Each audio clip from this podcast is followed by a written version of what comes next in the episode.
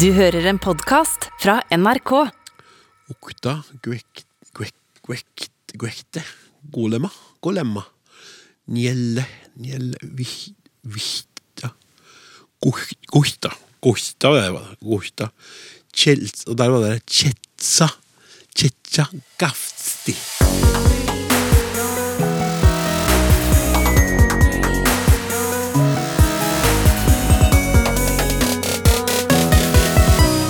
Samisk kan man greie å lære seg i løpet av et drøyt kvarter? Vil du vite det, så heng på!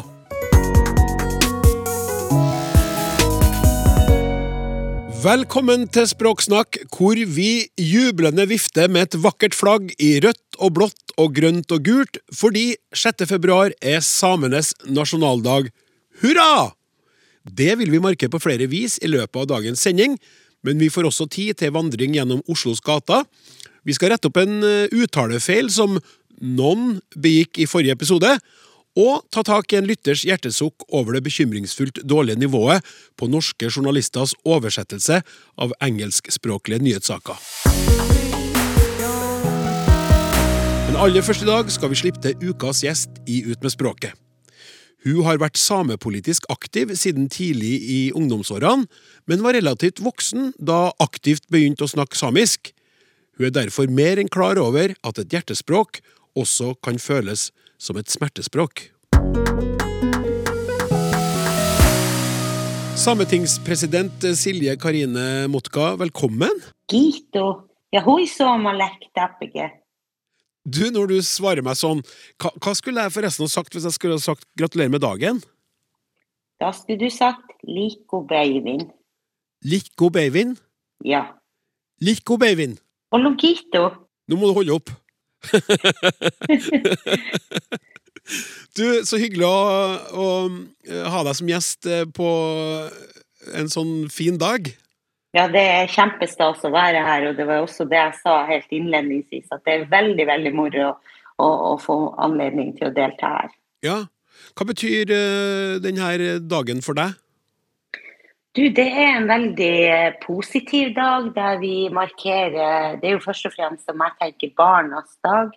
Og så markerer vi eh, den samiske kulturen, vår eh, gode mat, vår gode musikk og alt det som vi har som er, bra og positivt, kan vi vise og, og ja, kose oss med, rett og slett.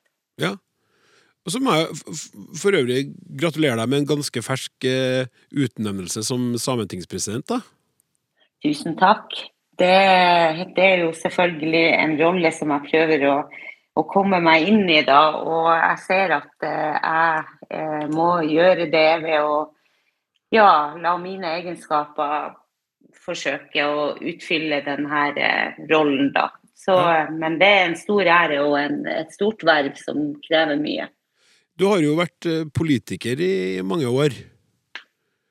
Eh, Men er det veldig annerledes nå når du er sametingspresident? Synes du, eller Hvordan du formulerer deg og snakker, eller er det, er det sånn likt? Eller blir du mer sånn 'Å, nå er jeg president, nå må jeg, nå må jeg virkelig tenke på hva jeg sier'?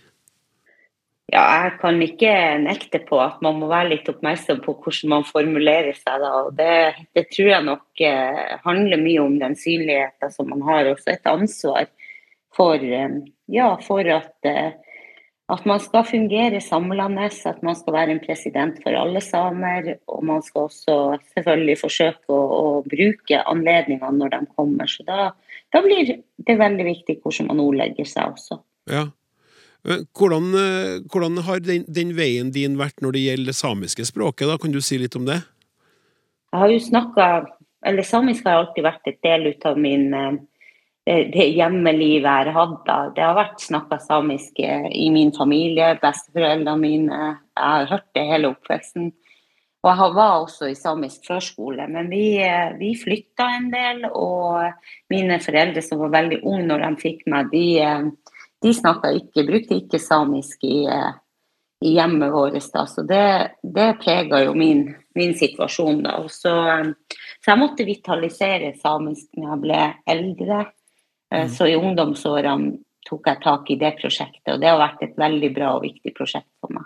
Ja. Hva var det som fikk deg til å bestemme deg for å ja, ta tilbake samisken? Eller ikke ta tilbake, for som du sier, den har vært rundt deg alltid, men du snakka ikke samisk. Hva som gjorde at du bestemte deg for å begynne å snakke det sjøl? Nei, jeg tenkte jo Jeg tenkte mye på det at jeg opplevde at det var viktig for meg. At uh, å snakke samisk, det var en, uh, en ting som jeg trengte å gjøre for å få føle meg ja, for å få være med i fellesskapet på alle mulige måter, også fordi jeg drev med politikk. Mm. Og jeg tenker det at det å snakke med folk på eget språk, det er jo, det er jo veldig viktig når du eh, forsøker da å både sette deg inn i saken, men at du skal representere andre. Mm. Så eh, det var mangfoldig, men eh, alle de tingene virka i hop. Og så fikk jeg en sjanse, liksom. Jeg hadde jo hatt det som et skolefag i noen år, så ble jeg storesøster. Um, og jeg var 17 år da, og da fikk jeg muligheter til å bruke samisk mer aktivt med, med min da lillebror, som, eh, som, jeg kunne både lese barnebøker til, og han hadde jo en hva skal jeg si, en mer uforferda måte um, Jeg fikk på en måte lære litt sammen med han da, og så oppleve også at han ble veldig fort mye flinkere enn meg. ja, det er barnets ubehøvla, frie språkglede? Ja, ja, det var det. Og ikke heller at, man, at barn er ikke sånn at de har noe De fordømmer ikke, eh, holdt på å si eh, De, de eh, oppfatter jo språket som en livsnødvendig måte å kommunisere på. Så de aksepterer jo på en måte de betingelsene og rammene mm. for denne kommunikasjonen. Så det, det opplever jeg som en veldig fin ting. at man, Jeg fikk jo lov å starte på det og vitalisere det og bruke samme sammen med han. da. Det var veldig fint. Men han var da eh, mye yngre, han var et lite barn, tok det veldig fort. Du hadde rukket å blitt ja, nesten voksen. Eh, ja. Det har du jo dratt med deg seinere, sikkert, fordi eh, det er jo sånn at hvis man ikke tilegner seg språk som liten, så er det mer krevende å snakke det når man blir stor? Jo, og jeg må innrømme at med han da, så var det jo mye Det var jo språkbruk i en hjemlig sfære. Ja. Men jeg begynte ikke å snakke språk i offentligheter, samiske språk i offentligheter før jeg sjøl ble mor. Og da var jeg jo godt over i, midten av 20-åra. Ja. Um, og det var også her at um, jeg opplevde det at det ble Da ble det enda viktigere for meg å, å uh, gjøre det her uh, grundig, da. Uh, det holdt ikke lenger å lese barnebøker og, og ha ikke sant, en samtale omkring det helt hverdagslige. Men jeg oppfatter at her må jeg gjøre et valg. Jeg må gå helt inn i det prosjektet, for jeg kan ikke være sikker på at noen andre enn jeg kan for, ja, betrygge trygge mine barns språkfremtid. Mm. Um, så det ble jo veldig viktig for meg. Jeg husker jeg skulle ta mitt, mitt, min førstefødte datter da, til barnehagen. Og da øvde jeg meg ordentlig på hva jeg skulle si, sånn at det skulle være i orden. Og det tror jeg nok at mange som ja, prøver å ta tilbake nei, prøver å, å, lære seg et nytt språk og liksom har flytta til et annet land, de vil jo kjenne på noe av det samme. da. Mm. Så, mm. Men hva, hva, hvordan gikk det, da, når du kom der med nyinnøvde fraser for å vise at du beherska hjertespråket?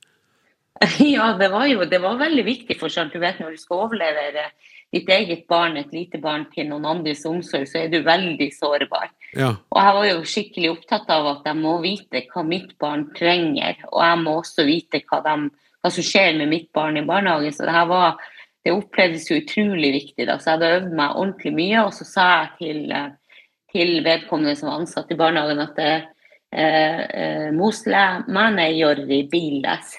Jeg sa at um, og så så han på meg som et spørsmålstegn, for, og da tenkte jeg med meg sjøl at nei og nei, nå ble det, det, det Selv om jeg hadde øvd meg, så fikk jeg ikke det til. Hva var det du sa da? Ja, for det er det jeg skal fortelle. Ja, ok, sorry.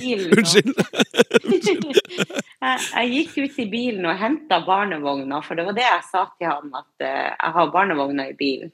Ja. Og så når jeg kom inn, så sier han til meg 'Å ja, du ser barnevogna, far'. Og eller du har med barnevogna, sa men han brukte ikke det her begrepet manajorri. da. Og det var noe jeg hadde henta ut av ordboka, så jeg er litt usikker på om det er liksom i allmenn bruk overalt det ordet, eller om det er kanskje en sånn, eh, mer en sånn oversetting som har skjedd. da. Ja, så du, du, hadde, du hadde, øvd deg, så han sa, han sa barnevogna? Ja, han sa 'dose barnevogna mjelde'. Det er jo litt innhold, det er jo litt innlåna Ja. av andre ord når du liksom lever i en, sånn, i en minoritetsspråksituasjon. Ja, så der kom du og skulle være eh, flink pike, og så, eller flink eh, nybakt mor, og så, og så skjønner ikke det blir, så, det blir for bra, men det der leder meg over på det som, som jeg syns var veldig interessant, eh, som du snakker om, og det er det For jeg har jo gjennom å jobbe i Språksnakk nå lært om hjertespråk, men du har, du har også snakka om det med språksmerte, eller det som jeg gjorde om i innledninga til smertespråk, fordi den opplevelsen av å begynne å tilegne seg språket sitt eh, i voksen alder gjør at, at det kan oppleves vondt også, og vanskelig innimellom. Ja. ja, altså jeg vil jo være helt tydelig at jeg, jeg prøver sjøl å bruke veldig mye det begrepet med språkglede. Mhm.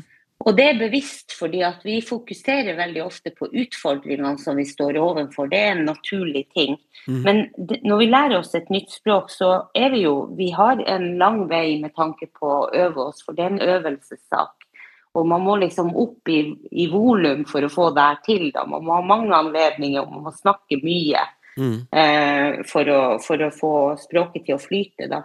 Men på veien dit så lærer man masse. Det er en vei full ut av eh, både eh, fine opplevelser, der du får støtte hos andre, men du får også kontakt med andre på et helt annet nivå når du sjøl ja, når du sjøl viser deg som at du er på, på språk, at du driver og lærer deg språk, så er du også du er jo på en måte også da litt sårbar. Mm. Men da er det veldig godt å oppleve at man blir møtt med, med holdt på å si, stor entusiasme. Eh, jeg opplever særlig barn og eldre er jo veldig, de er veldig glade for det her. Og det, liksom, det lyser ut at eh, de setter kjempestor pris på det. Mm. Og jeg tenker du får med en gang en sånn helt egen kontakt, og det må man ikke glemme oppi alt det der som selv om man er veldig fokusert på sin egen situasjon, at jeg holder på å lære meg, jeg tror om det blir feil, det her usikkerheter når man prøver å få liksom uvante ord til å gli over tunga.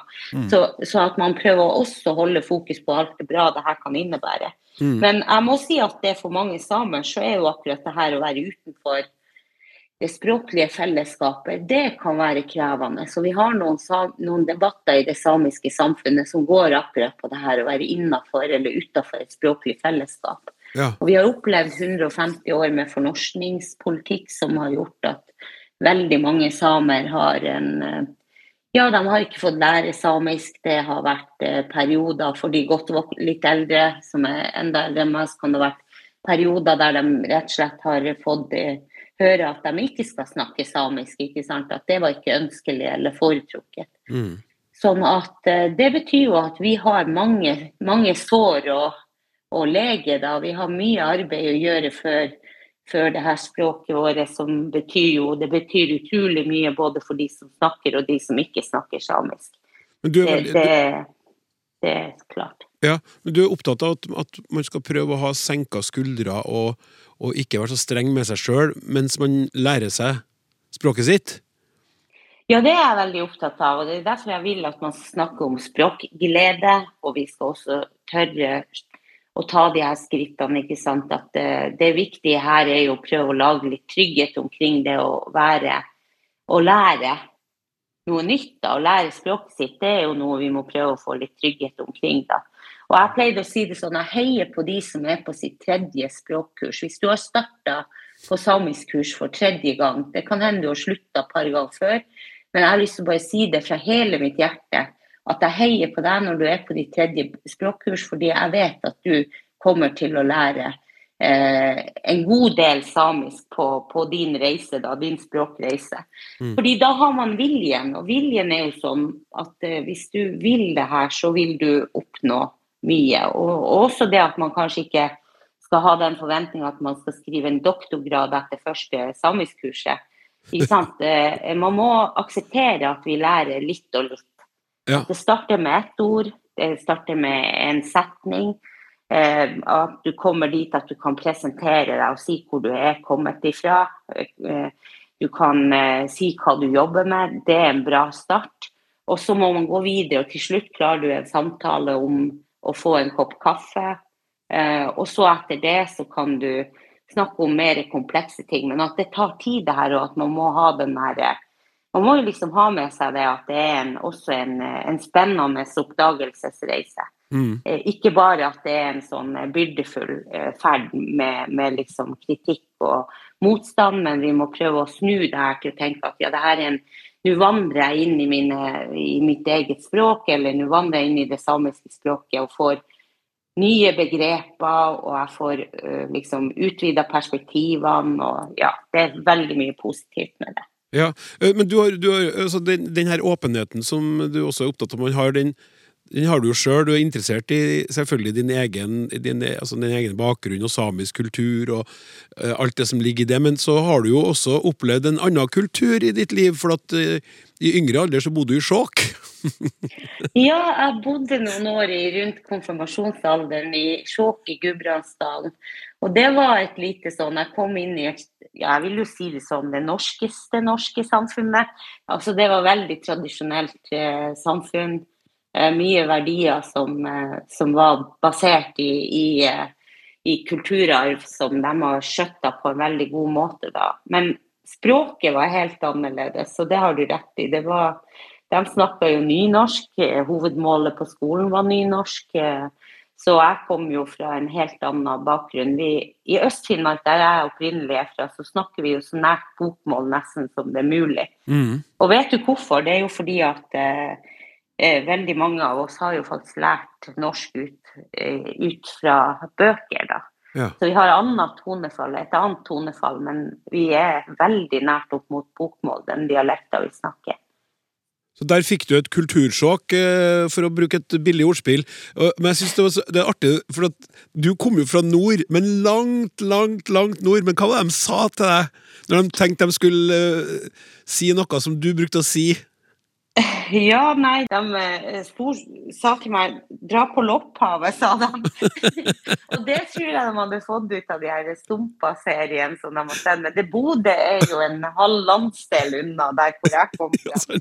som, som er på grensa. Det er jo Kirkenes, Nesseby, Varanger på grensa mot finsk og russisk side, så vi, det kunne ikke vært lenger unna. Nei. Men, men likevel så tok du tak, da. Du, du ble jo så dreven i Heter det sjåkværing? Ja, det heter sjåkvær. Sjåkvær? Ja. Sjåkvær. Ja. Du, du lærte deg sjåk, å snakke sj- sjåkværing, sjåkvær, sånn at du jobba i lokalradioen, er var det sånn? Ja, når jeg var 14 år så hadde jeg faktisk eh, en liten jobb som programvertinne i Ottadalsradioen med 14 000 lyttere, og det er jo ganske mye det da til å være bare 14 år. Men jeg syns jo det var veldig spennende, og der snakka jeg sjåkvær.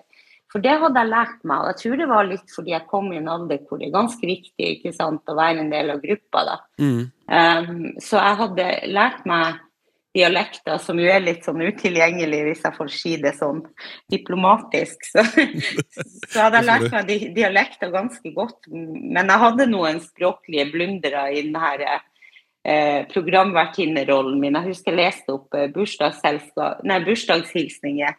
Eh, og så eh, var jeg kommet til eh, noen som heter Bersu, heter de. Bersu?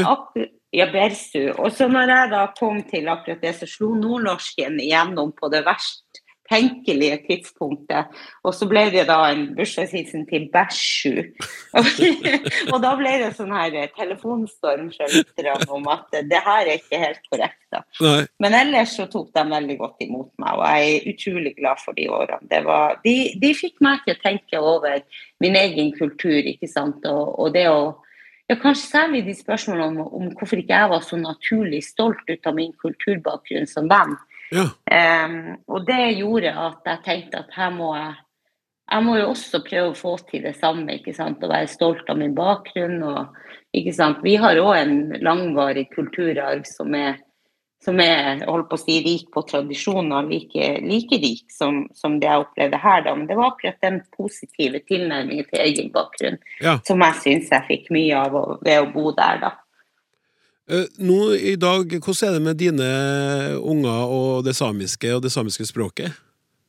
Ja, det er en eh, stor eh, glede for meg at mine barn de har hatt all undervisninga si i og på samisk hele grunnopplæringa da. Og min eldste datter hun var den blant det første kullet her i Alta som gikk ut av grunnskolen som hadde hatt alle fag, alle undervisninga i alle fag på samisk. Um, fordi det var et initiativ vi fikk starta når hun begynte på skolen. da. Ja. Uh, Så jeg er jo fryktelig stolt over det. Og de er, Altså, jeg må jo si de er strategiske språkbrukere. Altså, sånn at når de skal snakke noe og ha mamma sin sitte hva skal jeg si, og få oppnå ting, så er det rett på samisk, som jo er hjertespråket. Og da, da, da blir det nærmere, liksom. Vi er, vi er, nærmere når vi snakker samisk, og det er ofte sånn vi bruker det språket når vi, når vi har veldig positive ting som skjer hos oss. da. Så, mm. Så de er raske å søke til det når de skal liksom uh, gjøre mamma, mamma medvillig. ja, da blir det is og lommepenger.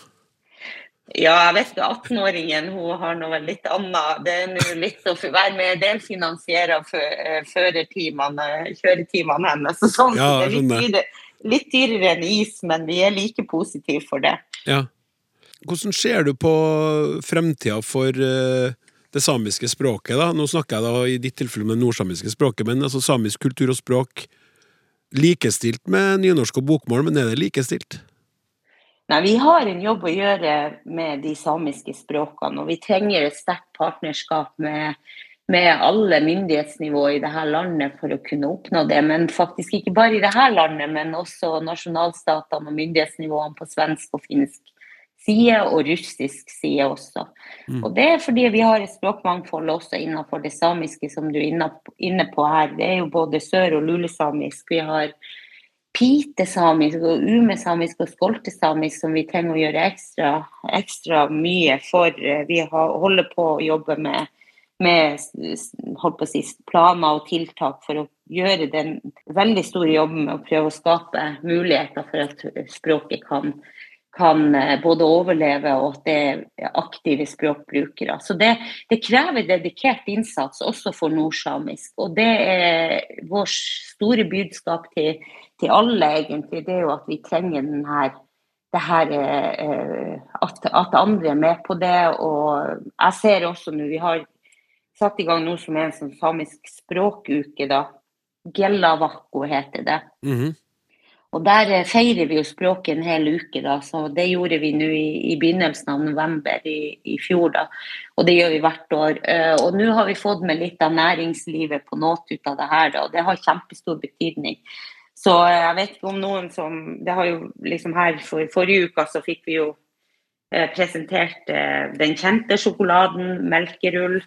Og nå kommer den ut på, med, med, samisk tekst på papiret. Da, og det har, det har, kjempestor betydning. Noen kaller det for symbolpolitikk, men det her er jo å, å se samisk språk også på, på hverdagsarenaen i, i, i butikken i Norge, det har kjempestor betydning for oss. Men jeg tenker det kan òg være den lille ekstra eh, saken som får folk til å prøve å leke litt med språket sånn eh, i hverdagen da, når man sitter og koser seg med litt sjokolade. da, mm. I dette tilfellet. Så kan man også lese det som står på pakken. da. Ja, ja. Se for deg at du tar en ja, Hva heter melkerull forresten på samisk? da?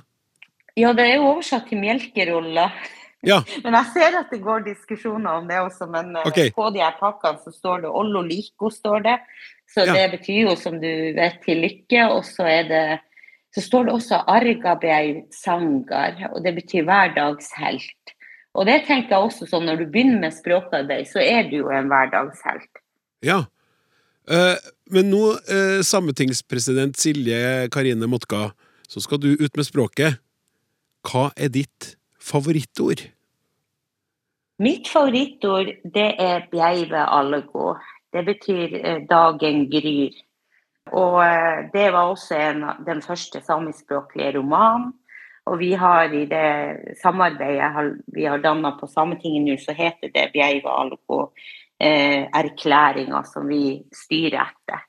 Så nesten veldig mange ganger om dagen så snakker jeg om Bjeiva og erklæringa, Bjeiva og så står det og, og, jeg tenker det må jeg nesten bare nevne, at det er også et veldig fint ord. Det var kjempefint, og det var veldig hyggelig å prate med deg. Tusen takk skal du ha.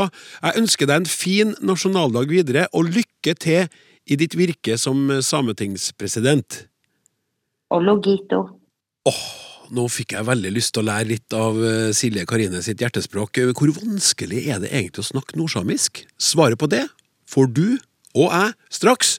Men før vi kan sette oss på språkskolebenken, så skal vi sveipe innom noen, eller no, noen tilbakemeldinger. Språksnakk med Klaus Sonstad.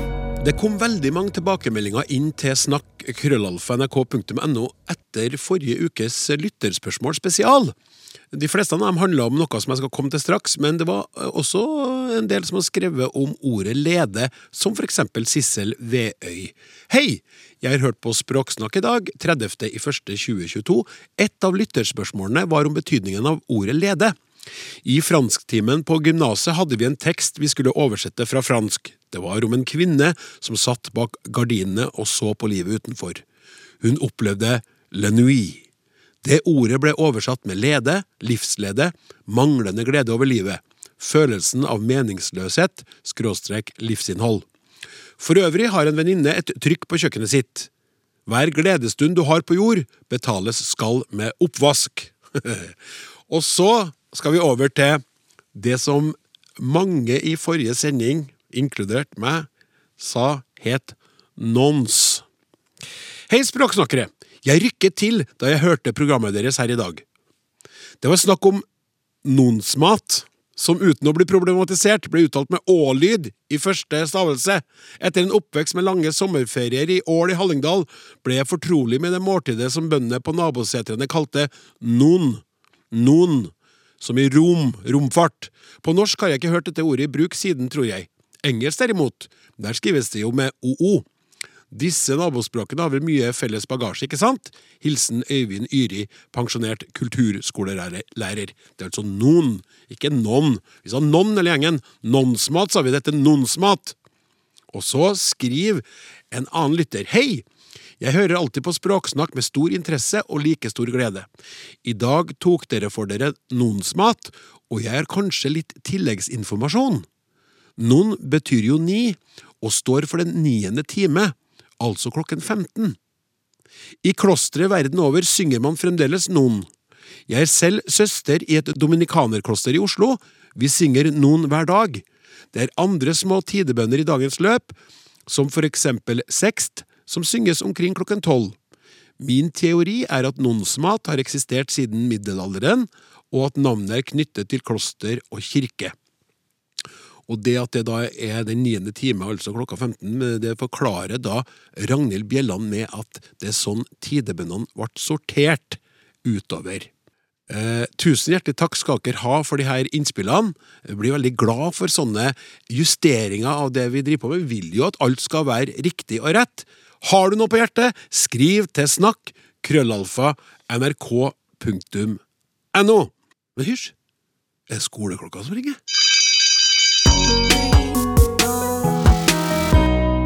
Lichko Bevin! Nå håper jeg at jeg sa gratulerer med dagen til alle samer, i hvert fall de fleste, men jeg er sannelig ikke sikker, for som nordmenn flest, med norsk som hovedmål, så aner jeg ikke hva jeg nettopp ropte ut. Sjøl jeg, med mitt sylskarpe hode, sliter med å forstå hva Lichko og Beivin har med gratulasjon å gjøre. Og sånn kan vi jo ikke ha det! Samisk er et offisielt språk her i landet, og da bør jeg kunne mer, ja, i alle fall noe. Eh, jeg har lyst til å lære meg litt, og for at oppgaven i dag skal bli så overkommelig som mulig, så sikter vi oss inn på det mest utbredte av de samiske språkene, nordsamisk. Og til å guide meg og forhåpentligvis deg, kjære lytter, på denne førstereisa i samisk, så har vi fått tak i ekspertise fra Universitetet i Tromsø. Førsteamanuensis i samisk språkvitenskap, Lene Antonsen, velkommen til oss. Gito. Tusen takk, det var veldig artig å bli invitert. Ja, jeg er så glad for at du sa det på begge språkene. Jeg, jeg har lyst til å si hjelp, Lene. Står vi overfor en uoverkommelig utfordring nå? Nei, absolutt ikke. Det går fint an å lære seg samisk. Sjøl så var jeg jo voksen, jeg var 24 år før jeg begynte å lære meg, og jeg, før det så kunne jeg knapt tre-fire ord. Oh, ja. Så, og nå i dag så er jeg førsteamanuensis eh, i samisk ved universitetet, så det her går fint an. Så bra, og så bra jobba av deg. Ja, det det, er, det er mye lettere hvis man kan finsk, har finsk som morsmål. Eh, og det hadde ikke jeg, men eh, det er mye mer interessant, kan man si, hvis man starter fra norsk. For da, da åpner det seg nye måter å beskrive verden på. Ja, men, men hvor mye samisk tror du at en eh, stakkars trønder som riktignok er full av gode intensjoner, men likevel kan tilegne seg på et akademisk kvarter? Tja, skal vi si tusen ord? Tusen ord! Ja? Hørte du den paniske latteren? Sa du tusen ord? Jeg sa tusen ord. Jeg mener det. Ja. Um, jeg lurer på om ambisjonsnivået skal legges litt ned derfra i denne lille stunda, alene. Men ok, uansett. Det er i alle fall nordsamisk eh, vi skal lære litt av nå. Ja, og da starter vi med tall. Ved å lære seg å telle til ti, og så et par ord til, så kan du faktisk telle til tusen. Egentlig en million hvis du, hvis du bare gidder. Ja. Fortellinga på samisk er veldig systematisk. Det er to tellemåter, men jeg skal, ta, jeg kan lære deg den som er den vanligste nå. Og, og ved å starte med, med tallene fra, én 1 til 10, så lærer man uttale, man eh, blir kjent med det samiske språket. Det er, man får en følelse for hvordan ordene er, og da tror jeg faktisk, hvis man eh, trener litt på det, så tror jeg faktisk det er mye lettere å lære seg mer samisk. Så tellinga er trikset? Ja, jeg tror det. Ja. At, for det er derfor viktig helt fra begynnelsen av man skal lære seg samisk, at man uttaler det hele tida. Det det er andre altså- lyder, og, og man må liksom trene munnen og, Ja. og tunga og alt til å, uttale de lydene, og man kan bli litt sliten i munnen innimellom fordi at det er så annerledes enn norsk, men når man trener, så blir man flink. Og, og, og unger flest begynner jo tidlig med å lære seg å telle òg. Ja, unger syns jo det er artig å Ja. kunne telle på mange språk. Så, så, så da skal vi, skal vi bare hive oss uti med, med å telle til ti, da? Ja, det skal vi, kan vi gjøre. Eh, Jeg kan gi et lite tips til å begynne med, at det er veldig lurt å ha sånn tydelig trykk på første stavelse i ordene, og da går det så mye lettere. Bare være sånn tydelig. Og så, og så glemmer vi, eh, vi lydene u og ø. Den, den bruker vi ikke i, i, eh, i samisk annet enn i, i lånord og navn. Ok, Eller hvis man sier øh, for å prøve å komme på hva man egentlig skal si. For meg, da. Ja, da, da kan du godt bruke det. Ja, ja. Ja. Så vi kan ta Jeg sier, sier tallet, og så gjentar du. Mm. Okta, Okta, Gwekte. vekte, golema, golema, njelje, Njelje. vihta, vihta, guhta. guhta, Så kommer det en med artige lyder. Checha. Tjetja. Å, så flink du var! Du fikk det til på første forsøk. Takk. Gaftsi, Og den var verre for meg. Gahsti. gaftsi. Å, den der! Ja. Gah... Det du tenker på det norske ordet vits. Ja. I slutten av ordet så har du ts, og det er akkurat den som kommer i det her ordet. Ja. Gaftsi. Gatsi. Ja, først en F-lyd nærmest, Ja, gafsi. Ja, gaftsi, Gaftsi. oftsi, Oftsi. logi. Logi. Ja, den siste den tiden er jo så enkel, etter at man har kjempa seg Ja, gjennom ja, det 28 sant. og 9. Jeg blir utrolig glad når man kommer dit. Blir sånn paff, nesten sånn Logi? Så vi tar det en gang til, og, no, og, og så skal du lære to-tre ord til, og da, og da kan du systemet. Vi tar, vi tar en gang til fra én. Ja. Okta, Okta. guekte, Guekte. golema, Golema. njelje, Njelje. vihta, Vihta. guhta, Ohta. Tjeja. Tjed... Åh, den der. Det er tsj til å med. Tsj. Ja, flott. Ja. Gaftsi, Ga... gaftsi. oftsi, Oftsi. logi. Logi. Ja. Og, og det er artig, fordi man ser jo da med en gang, eller man hører jo med en gang at tallene er veldig forskjellige fra norsk. Og da får man en følelse av at nå går vi inn i en annen språkfamilie. Nå går vi inn i en uralsk språkfamilie. Jeg, altså, virkelig annerledes opplevelse. Mm. Jeg, får, sånn- jeg har litt sånn gåsehud. Og, og for å fortsette å telle, så trenger vi, og nå er det mer logisk enn på norsk, vi trenger ikke spesielle ord for 11 og 12.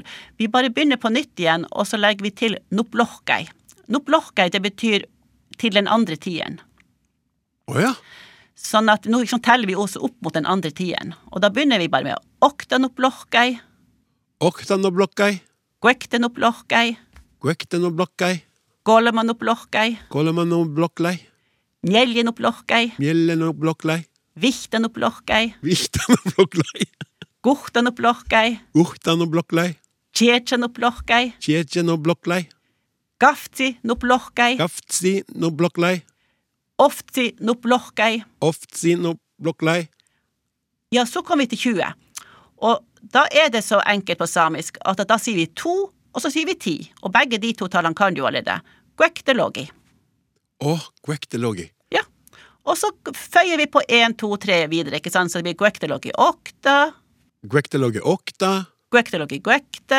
Gwektelogi gwekte, Gwektelogi golema. Gwektelogi golema, Ja, og sånn teller man videre. Og når man kommer til 30, så er det golmalogi. Golmalogi Å, er det sånn? Ja, og golmalogi okta. Golmaloge okta, guek- Golmologi guekte. Golmaloge gwekte. Ja, så teller man videre helt til man kommer til 99. Og da trenger man ett nytt ord for å komme seg videre. Og det er chodi. Chodi, Ja, og det er bare tydelig ch til å begynne med. Tjådi. Chodi. chodi. Ja, og det er 100. Og så bare legger man det foran, og så teller man på nytt rekka. Så det er chodi okta. Ja. Chodi okta. Chodi okta. Ja. Og når man da skal til 200, så setter man guekte foran. Guekte chori. Guekte chori okta. Gwekte chori okta. Ja. Er det, eh, syns du at For jeg, jeg får lyst på en sånn litt sånn syngende, syngende måte å gjøre det på. Ja, Altså si det på. Er det, er det viktig, tenker du? Eller kunne man også sagt det sånn, sånn rett ut? For jeg, jeg får lyst til å synge litt. Ja, vet du at det er eh, Det er viktig å, eh, å tørre å, å bare gi litt på, både med trykket og uttalen av um, de konsonantene ch og edge og v. Ja. Man må, ikke, man, må ikke man, må ikke- man man kan nesten aldri overdrive det, og det blir bra samisk. Det høres veldig bra ut når man tar litt i. Ja. Så eh, du skal ikke være redd for det, det bare gjør det bedre. Og, eh, og nå har vi faktisk vært gjennom de spesielle lydene i samisk, sånn som ch og dj.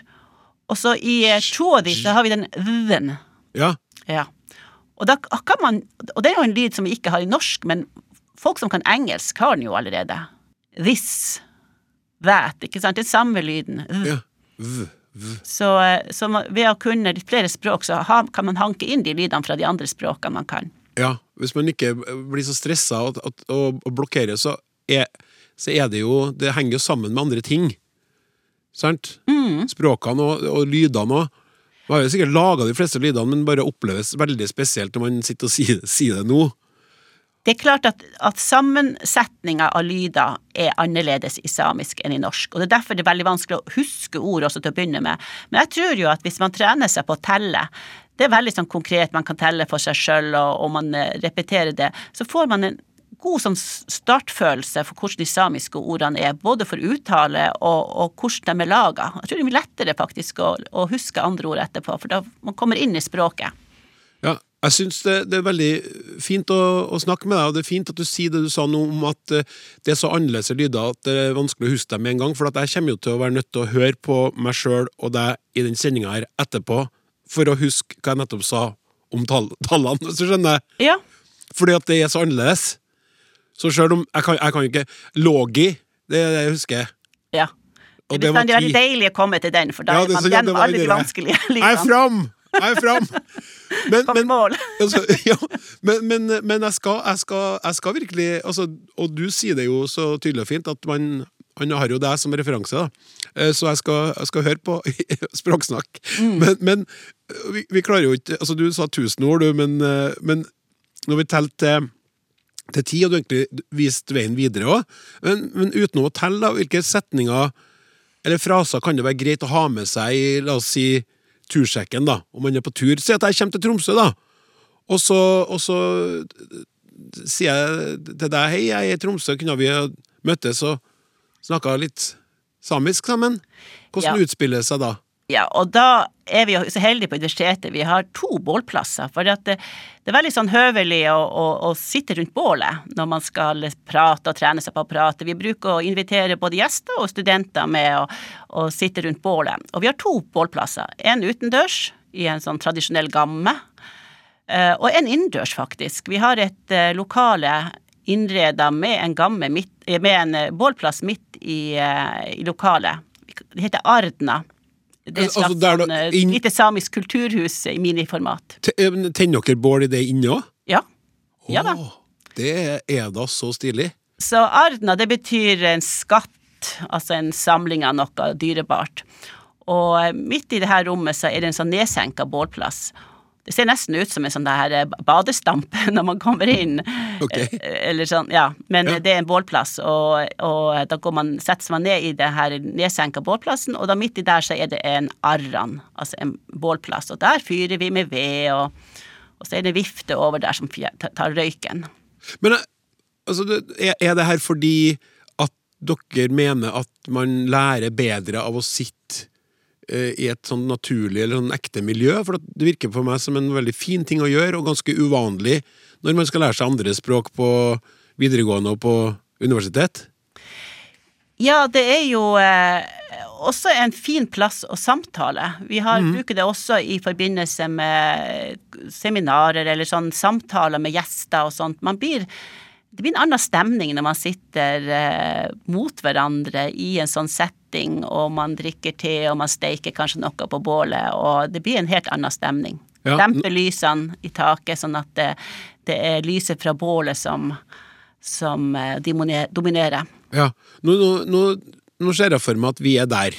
Ja, Jeg har jo bodd i Tromsø en kort periode for ganske mange år siden, så jeg vet jo hvor universitetet er hen. og går jeg der, så møter jeg deg, så tar du meg med inn dit, og du har allerede tent bålet, da. Så det er Ja. gjort klart, du har juksa litt på førerne. Og så setter vi oss ned. Ja, og, da, og det vi da ser på, det er dolla. Det er bålet. Dolla. Dolla. Dolla. Ja. Og så er det så fint på samisk, og vi bruker veldig mye ordavledninger, så man kan eh, noen sånne grunnord, så kan man så er lett å forstå verbene, og, og man kan utbre de videre. Så det å tenne på bålet, eller ordne selve bålet, da sier vi dålastitt. Det er det samme Dålastitt. Ja, dålastitt. Dålastitt. Da tenner vi på bålet. Men når vi sitter litt lenger, og vi holder på med bålet, vi legger på litt mer ved, og vi koker kaffe og sånn, så sier vi dålastallet.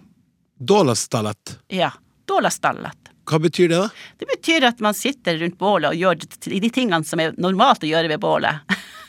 I lengre tid. Så at man ikke bare tenner på, men at man sitter der for å, for å uh, ha den stunda. Ja, Mm. altså i det lille ordet. Ja. Helt fantastisk. Og det samme har jo med, med, med kaffe, ikke sant. Det er kaffe på, på samisk. Men så har vi kaffestallet. Og det betyr jo en kaffe, det å ta seg en kaffepause. Kaffestallet. Og kaffe, sier du kaffe? Ja, kaffestallet. Kaffestallet. Ja, det er jo en kaffepause, og da innbefatter det både kaffedrikking og kanskje no, noe ved siden av. Eller, eh, eller noe oppi. Mm. Ja. Ja, eh, men eh, videre, da. Altså, ok, nå er jeg der. Jeg sitter jo med, du er, Vi er jo i gang. Bålet varmer. Vi har kaffe. Vi har kaff, kaffestallet. Ja, kaffestallene, det er det vi gjør. Ja. Det er når vi sitter og drikker kaffe. Og så har vi jo eh, bare et eksempel til på at vi, vi lager verb av i forhold til alt vi gjør. Så trenger vi jo ved til bålet, Mm. og ved det er mårett. Mårett. Ja.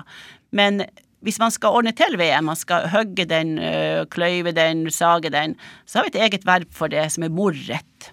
Morret. Ja. Og sånn er det på samisk veldig mye, at vi har egne verb for å gjøre spesialting, og da er det gjerne en avledning, ofte av substantivet, sånn Ja. som det nå.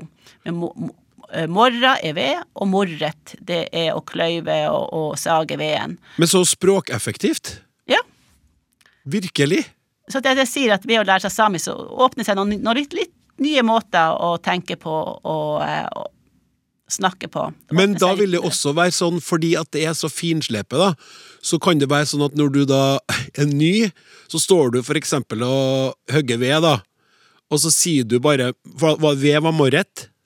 Morret, det er selv Mor- det du gjør, Ja. verbet, men morra er ved. Ja, så står du her, og så, og så husker du ikke, så står du bare og sier 'morra', 'morra', og så står du og hogger ved, og så tror alle du er gal. Ja, vi vet det, ved. 'Morra', 'morra'. Skjønner du at nyansene da blir det viktige? Ja. Ja. Men det gjør jo at det er mye lettere å huske eh, ordene også, når man eh, blir litt mer kjent med systemet, så Ja. forstår man Det her med forståelse kan man trene seg opp til ganske fort, og det vil jeg, vil jeg jo understreke at når det gjelder samisk språk, at det er stor verdi også at folk forstår samisk. Det er kjempebra at de prater, det er, det er aller beste. Men bare det at folk forstår og tør å forstå, så gjør det, gjør, blir det enklere for dem rundt dem å bruke samisk. Ja. At man tør å vifte med ørene og, og prøve å forstå, i stedet for å, å, å få panikk at uh, oi, Ja. blir jeg utafor, Ja, enig. det her var ille. Ok, men, men fortsett, da. Det her er jo så spennende. Vi, vi har jo åpenbart eh, satt av for lite tid, men vi har litt tid igjen ennå. Så Ja. hva, hva har, har du noe, er det noe høflighetsfraser noe kan, som jeg kan si til deg, da? Eller du så, Hva Jeg tenkte, jeg tenkte jeg kunne ta en sånn liten med å, å spørre om man skal drikke kaffe. Ja? Det som er litt eh, spesielt på samisk, det er det at vi har Vi bøyer jo verbet etter hvor mange vi er. Så hvis jeg spør til deg, og du er alene med uh, rundt bordet, så spør jeg Sidat kokka æfe. Si det at kokka er fe. Ja. Og du, kan, du svarer ja eller nei. Du svarer det sier den, Det sier den. det er ja. Og så innsida, det er nei. Å ja. Det sier den. Innsida. Ja, så vi har et eget verb for, å- for nei. Ja, men jeg sier jo definitivt det sier den her, da. Ja. Men hvis det, hvis det var flere med, Ja. så hvis dere var to stykker som, som var med på denne stunda, så vil jeg si sita bettig og kaffe. Oh, ja. Sånn at man sier annerledes til én person enn til to personer. Og er det flere personer, så er det sita bettig og kaffe. Så det er spesielt, vi skiller mellom hvor mange personer det er man snakker til. Ah. Og, to, og snakker man til to personer, eller om seg sjøl, og det man snakker om to personer. Om seg sjøl og, og, og vennen, eller den som sitter ved siden av, eller kjæresten, eller hvem det er, så bruker vi også totall egne eh, bøyninger av verbet. Og, og jeg har fundert litt på det der, og tenkt at det, egentlig så er det jo veldig høvelig, fordi at det er lettere hvis man er mange rundt bålet, å skjønne hvem man snakker til. For eksempel hvis du skal flørte, hvis jeg skal flørte med deg, og jeg spør, eksempel sier, bademelde, det betyr kom med. Ja. Da vil de andre skjønne at det er bare du som skal være med. Jeg vil ikke risikere at alle sammen rundt bålet kommer med meg. For er på norsk så sier jeg 'kom med', så kan vi risikere at alle blir med. Men du, Lena, må si at er, er, er, det der, er det der flørting på samisk, så vil jeg si at det er ganske mye mer direkte enn på norsk. For at hvis, hvis, man, hvis, man, hvis man møter noen og sier 'du, kom med', så ja. Jeg er ikke helt der ennå, men uh, takk skal du ha. Det kan jo være litt ute i samtalen, ikke sant? Ja, har, jeg du har kanskje pønska ut noe at, Absolutt. og prata om den fine plassen hvor man kan se sola godt, for nå kommer jo sola opp på himmelen straks. Ja. Og da kan man jo Ja, si det. bademelde, og da eh, risikerer man ikke at hele bølinga blir med. Nei, nettopp. Det er fint. Men, men altså, i denne, eh, den her eh, utrolig hyggelige stunda nå, så må vi jo vi må begynne å runde av snart. Men hvis jeg, hvis jeg, for at, hvis jeg nå da ønsker å være en, en, en, en som lytter med, og du sa vifter med ørene og er åpen, men samtidig har lyst til å uttrykke at jeg har så vidt begynt å lære meg, men jeg snakker ikke så veldig godt samisk, det vil jo være åpenbart kanskje det jeg åpner munnen, men hvis jeg skal si det på samisk kan du si at uh, matan vehers, det betyr jeg kan litt. Matan, Matan vehers, matan vehers. ja. Ja. Og men så er det jo et, et eh, uttrykk som kan være høvelig å kunne. In ipmir. In itmir. In ipmir. In itmir. Det betyr 'jeg forstår ikke'. For det er jo ofte det at man, man, eh, man bruker de ordene man kan, og så kommer svaret mye vanskeligere det, på et annet nivå enn det man eh, har lært sjøl. Ja. In ipmir kan være greit å kunne, men samtidig så signaliserer man jo at man vil jo lære når man sier det på samisk. Ja, selvfølgelig. selvfølgelig. Men, men eh, jeg tror at bare altså Jeg syns tall, det talltipset ditt var veldig bra. Jeg går nok tilbake dit igjen eh, når jeg skal høre på oss i og denne praten, eh, for det er bare lo, Loki Logi som står, som står klart for meg fortsatt. Mm. Men kan du helt til slutt eh, Jeg har lyst til å takke deg på samisk, men da må du lære meg å takke deg. Det er også veldig lett ord. Gito. Oi, det, hva sa du nå? Gito. Gito. Ja, flott. Lene Antonsen Gilto. Gilto donje meg. Takk skal du ha, det var veldig hyggelig å prate med deg. Ja, takk. Ja, da har vi prøvd å lære noen av de mange, mange tusen ordene som finnes på nordsamisk. Og nå skal vi prøve å lære noen av de 2700 navnene som finnes på gatene i hovedstaden. Språksnakk hver fredag i appen NRK Radio. Hvem eller hva fortjener å få ei gate oppkalt etter seg? Det er et spørsmål som lokalpolitikere må stille seg hver gang en ny gate skal få navn. Svaret er avhengig av politisk ståsted, ideologi og hva slags type folk man eventuelt mener det er viktig å hedre. I Oslo så finnes det 2700 gatenavn, og nå har historien om hvordan de ble til, blitt til bok. Den heter ganske enkelt Historien bak Oslos gatenavn, og er skrevet av Erlend Tidemann, som nå er her i Språksnakk. Velkommen! Takk, takk. Du, Nå må du begynne med å fortelle hva det er som fascinerer deg så mye med gatenavn i Oslo, at du har brukt årevis på å skrive ei murstein av ei bok om dem. Jo, eh, det som er mest fascinerende for meg, er nok det politiske innholdet i navnene. Altså de navnene som er vedtatt eh, politisk. Eh, det er jo sånn at gatenavn er stedsnavn. Og samtidig så er de på en måte bestemt av, av politikerne. Vanligvis så er, er stedsnavn navn som, altså ord som egentlig ikke har noe mening i språksituasjonen utover det de refererer til. Og det er jo for så vidt gatenavn også. De, de, har ikke noe annen mening enn den gata de viser til. Men samtidig så blir det da lagt eh, politiske verdier i dem når de blir vedtatt på den måten de gjør. Og det å liksom deschiffrere den politikken i disse navnene, det syns jeg er, er, veldig spennende. Ja, og gatene i Oslo begynte å få navn på 1600-tallet etter at byen ble flytta vestover fra Bjørvika. Hva slags type gatenavn var det byen fikk til å begynne med? Ja, altså Aller først i, i middelalderbyen så, så, var det nok hovedsakelig det vi kaller spontane navn. Altså navn som har oppstått i befolkninga, og bare gjennom bruk.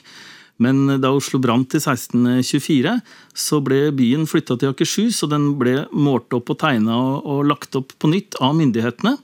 Og da ble også gatene laget av myndighetene, og myndighetene ga dem gatenavn. Og de navnene da, de, da fikk man noe sånt som Kongens gate og Prinsens gate og Rådhusgata. Og det er jo navn som, som, på en måte refererer til de myndighetene som har gitt navnene. Ja. Og der var Oslo eh, sannsynligvis først ute, i hvert fall i Norge eller i Norge-Danmark, med den type navngivning. Vi ser at også Kristiansand, som, eh, som ble konstruert litt på lignende måte noe seinere, fikk samme type navn. Vi har jo også Kongens gate, Dronningens gate og Prinsens gate i Trondheim. Ja, og det var etter en, en sånn planrevisjon på 1680-tallet. Ja. Også samme type navn. Da var det Fredrik 3. som var konge, men allikevel, det ser ut til å være en sånn navnetrend som vi finner også i enkelte andre, i danskebyen Fredricia f.eks. Hva? finner man den type navn. Ja, men var det, var det, kun sånn kongens, prinsens, dronningens, eller var det noen andre navn? Så? Nei da, det var også flere navn, og det var også et sånt navnesystem med at, eh, at, eh, man hadde streder i den ene retningen og gater i den andre retningen som lå vinklet på hverandre. Og det var for så vidt et uh, lignende system i middelalderbyene, i Oslo, Bergen og Trondheim, med, med streder, eller streter den ene veien og allmenninger den andre veien og, og veiter på tvers igjen. Ja, nettopp. Ja, veita, ja. Det, det, er jo det er en greie vi har i Trondheim. Ja. Spennende her. Det er artig, det er artig med gatenavn. Jeg kan bli, ja. bli ivrig nå. altså de, og det systemet med, med, streter og allmenninger og veiter, det var faktisk eh, nedfelt i byloven allerede i, i Magnus Lagarbeiters bylov fra 1276, hvis jeg ikke tar helt feil. Ja, Du tar vel neppe helt feil. Hva har vært de store skiftene i hvordan gatenavn har blitt satt i Oslo? da?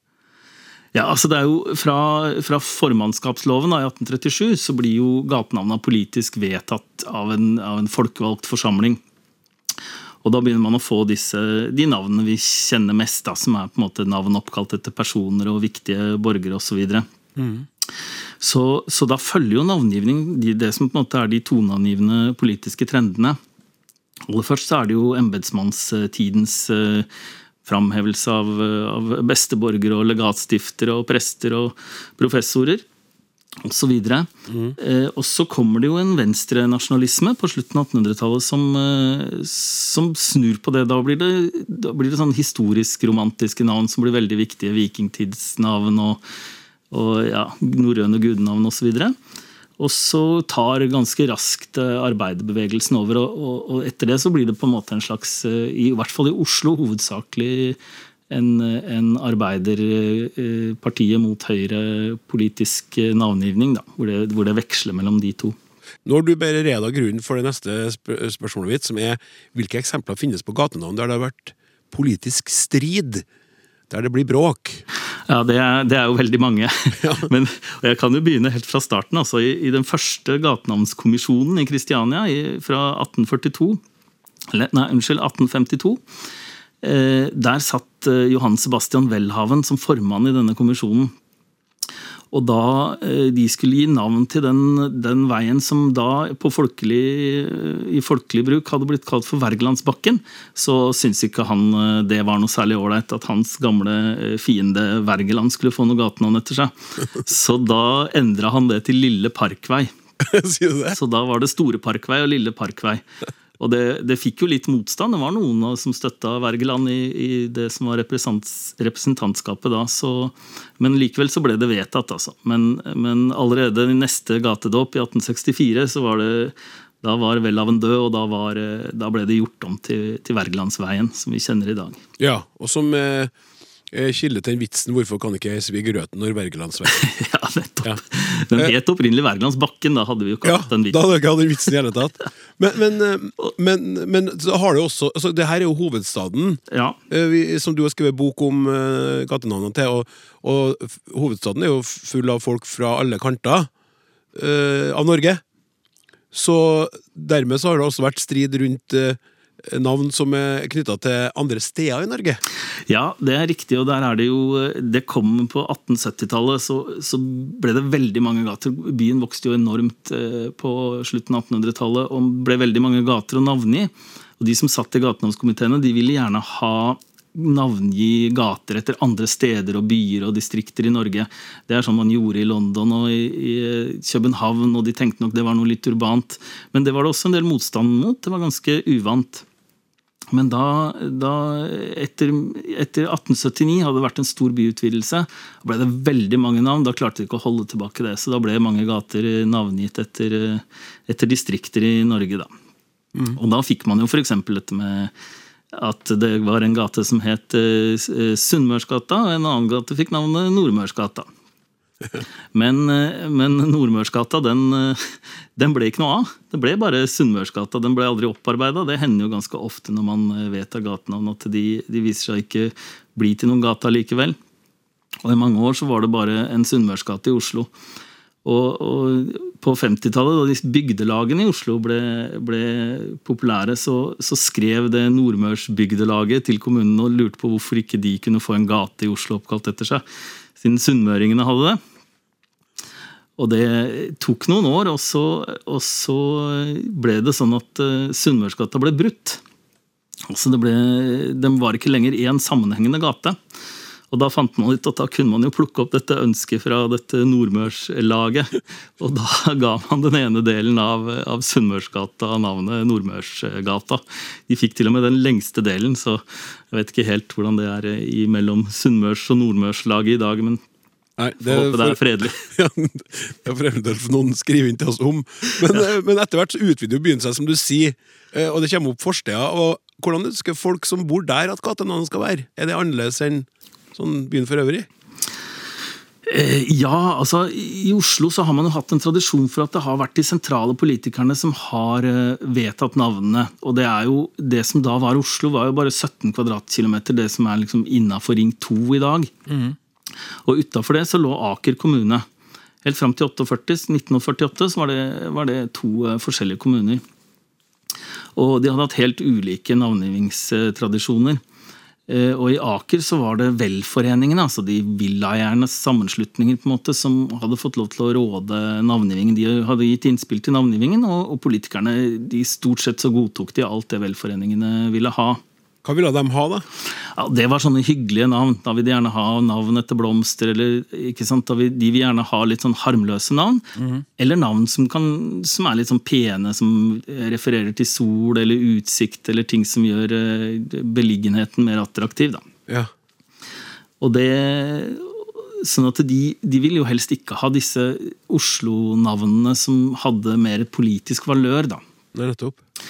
Så, så et etter sammenslåingen mellom Oslo og Aker i, i 1948, så var det jo nærmest en eh, konstant strid mellom eh, de lokale velforeningene og, og byggelag osv. Og, så videre, og den sentrale gate- og eiendomskomiteen. Hvem vant? ja, det er ikke godt å si. Jeg tror nok eh, til, i det lange løp så har nok velforeningene vunnet. Altså Det ble jo bydeler etter hvert, og bydelene har jo for så vidt eh, den oppgaven velforeningene hadde med å finne lokale navn. Mm. Så ja. I løpet av 1900-tallet så kommer det jo flere store rettskrivingsreformer i norsk som endrer skrivemåte på mange ord, og ord med dobbel A endres til Å. eh, For eksempel, og det her får vel også konsekvenser for gatenavnene i Oslo? Ja da, det gjør det. Og i de første rettskrivningsendringene som kom i 1907 og, og 1917, de gikk jo stort sett veldig greit inn i språket. Da, det var ikke sånn veldig mye motstand mot det. Men, men etter 1917 så ble det litt motstand i Oslo mellom eh, A-endelser og E-endelser. Altså at, eh, at det skulle hete Gaten. Eh, Ja. Da begynte så smått eh, Arbeiderpartiet å ta stilling i, i språksaken. Og i hvert fall i Oslo Arbeiderparti så, så la de en del vekt på at det var på en måte arbeiderspråket, folkemålet, som skulle ligge til grunn eh, for, for rettskrivinga også. Så de ville gjerne ha A-endelser. Og det hadde blitt valgfritt da etter, etter 1917. Så da begynner på en måte den kampen for gata.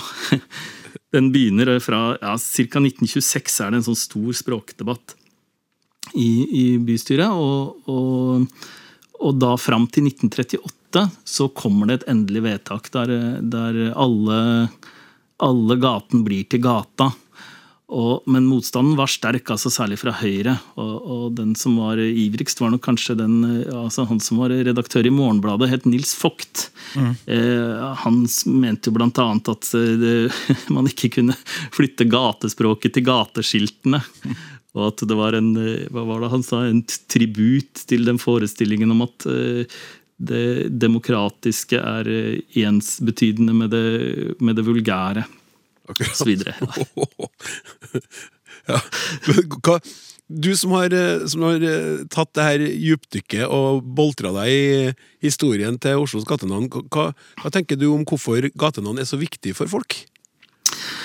Ja, det, er, altså det er flere grunner til det. Jeg tenker eh, For folk flest så er jo gata en del av, av identitetsidentiteten du har. på en måte. Man, har jo, man er jo gjerne knytta til det stedet man bor. Eh, man, man er på en måte en Oslo-borger eller det stedet man bor i. Og, og navnene på det stedet blir en del av den identiteten. Det er mange som bruker gata som referanse til, eh, til familien, på en måte. At man sånn skriver sånn julekort, eh, hilsen nissene i Holsts vei. Eh, altså det, så det, det er jo en, en del av, av folks identitet, hvor de bor. Og på den annen side så, så er det dette her altså Når det blir så, så eh, følelsesmessig politisk ofte, så er det jo fordi gatenavn egentlig er rene symboler. Det har jo ikke noe, egentlig noe praktisk betydning hva gata heter. Den refererer jo til det stykket asfalt, uansett om den heter det ene eller den andre. Så Derfor så blir det i de politiske debattene eh, en ren symboldebatt. Om det skal ha et, eh, et eh, navn med valør som trekker i den ene eller den andre politiske retningen. Og, Derfor så tror jeg også det kan bli veldig følelsesmessig i de politiske debattene.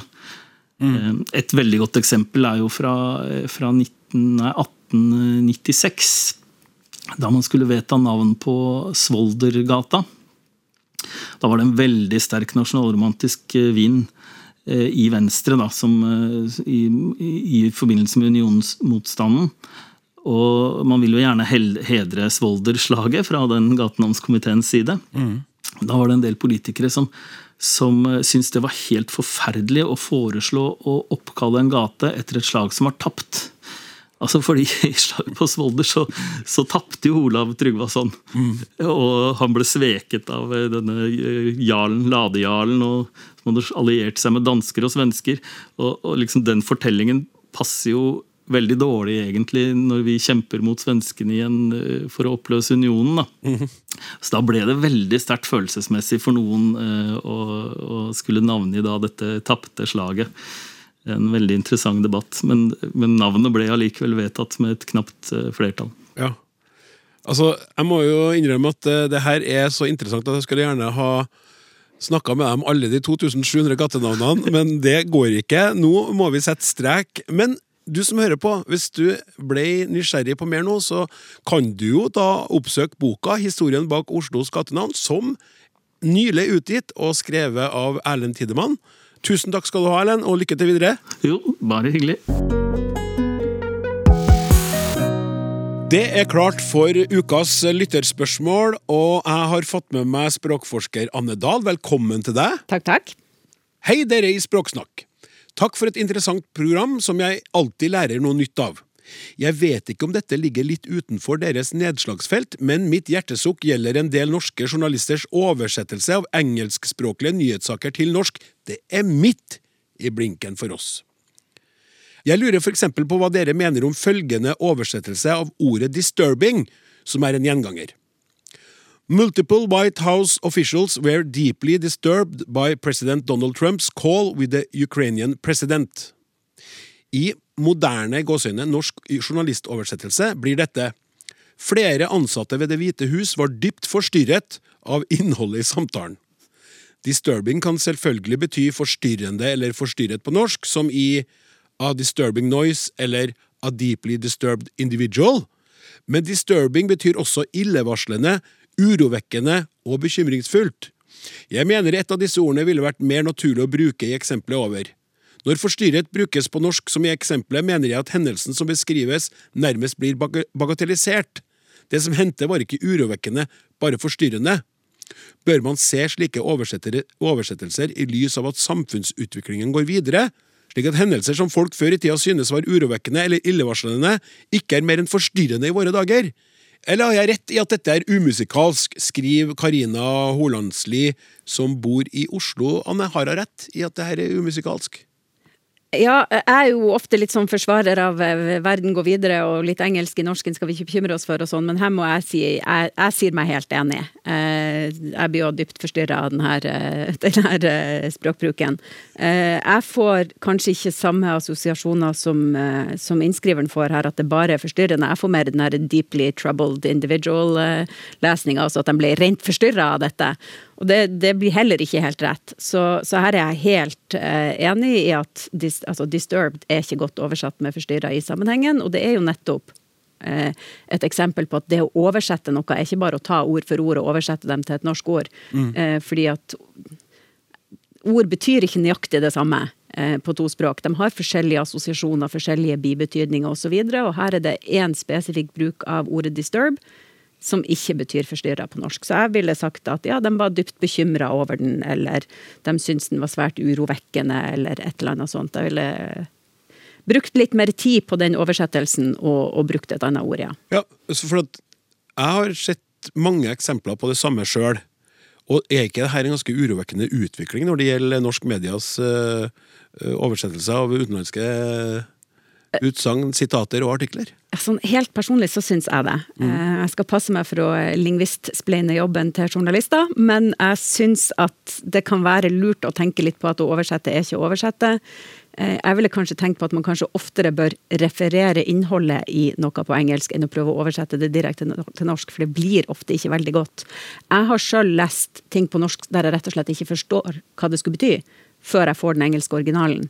Ja. Eh, så jeg syns det er utbredt bruk av dårlig oversettelse i norsk media. Det, det, må jeg rett og slett si meg enig i. Jeg eh, må si til Karina at eh, det er sjelden at en lytter og lytterens spørsmål får så sterk støtte som det du har gjort i dag, så det må du ta med deg eh, herfra. Tusen takk skal du ha, Anne, og velkommen tilbake ved en annen anledning.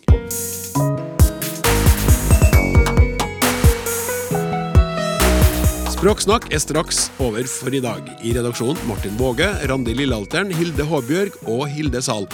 Jeg heter Klaus Sonstad. Geito dat bjevest. Vi snakkes.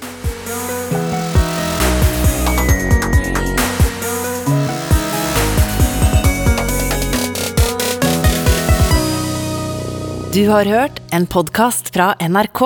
De nyeste episodene hører du først i appen NRK Radio.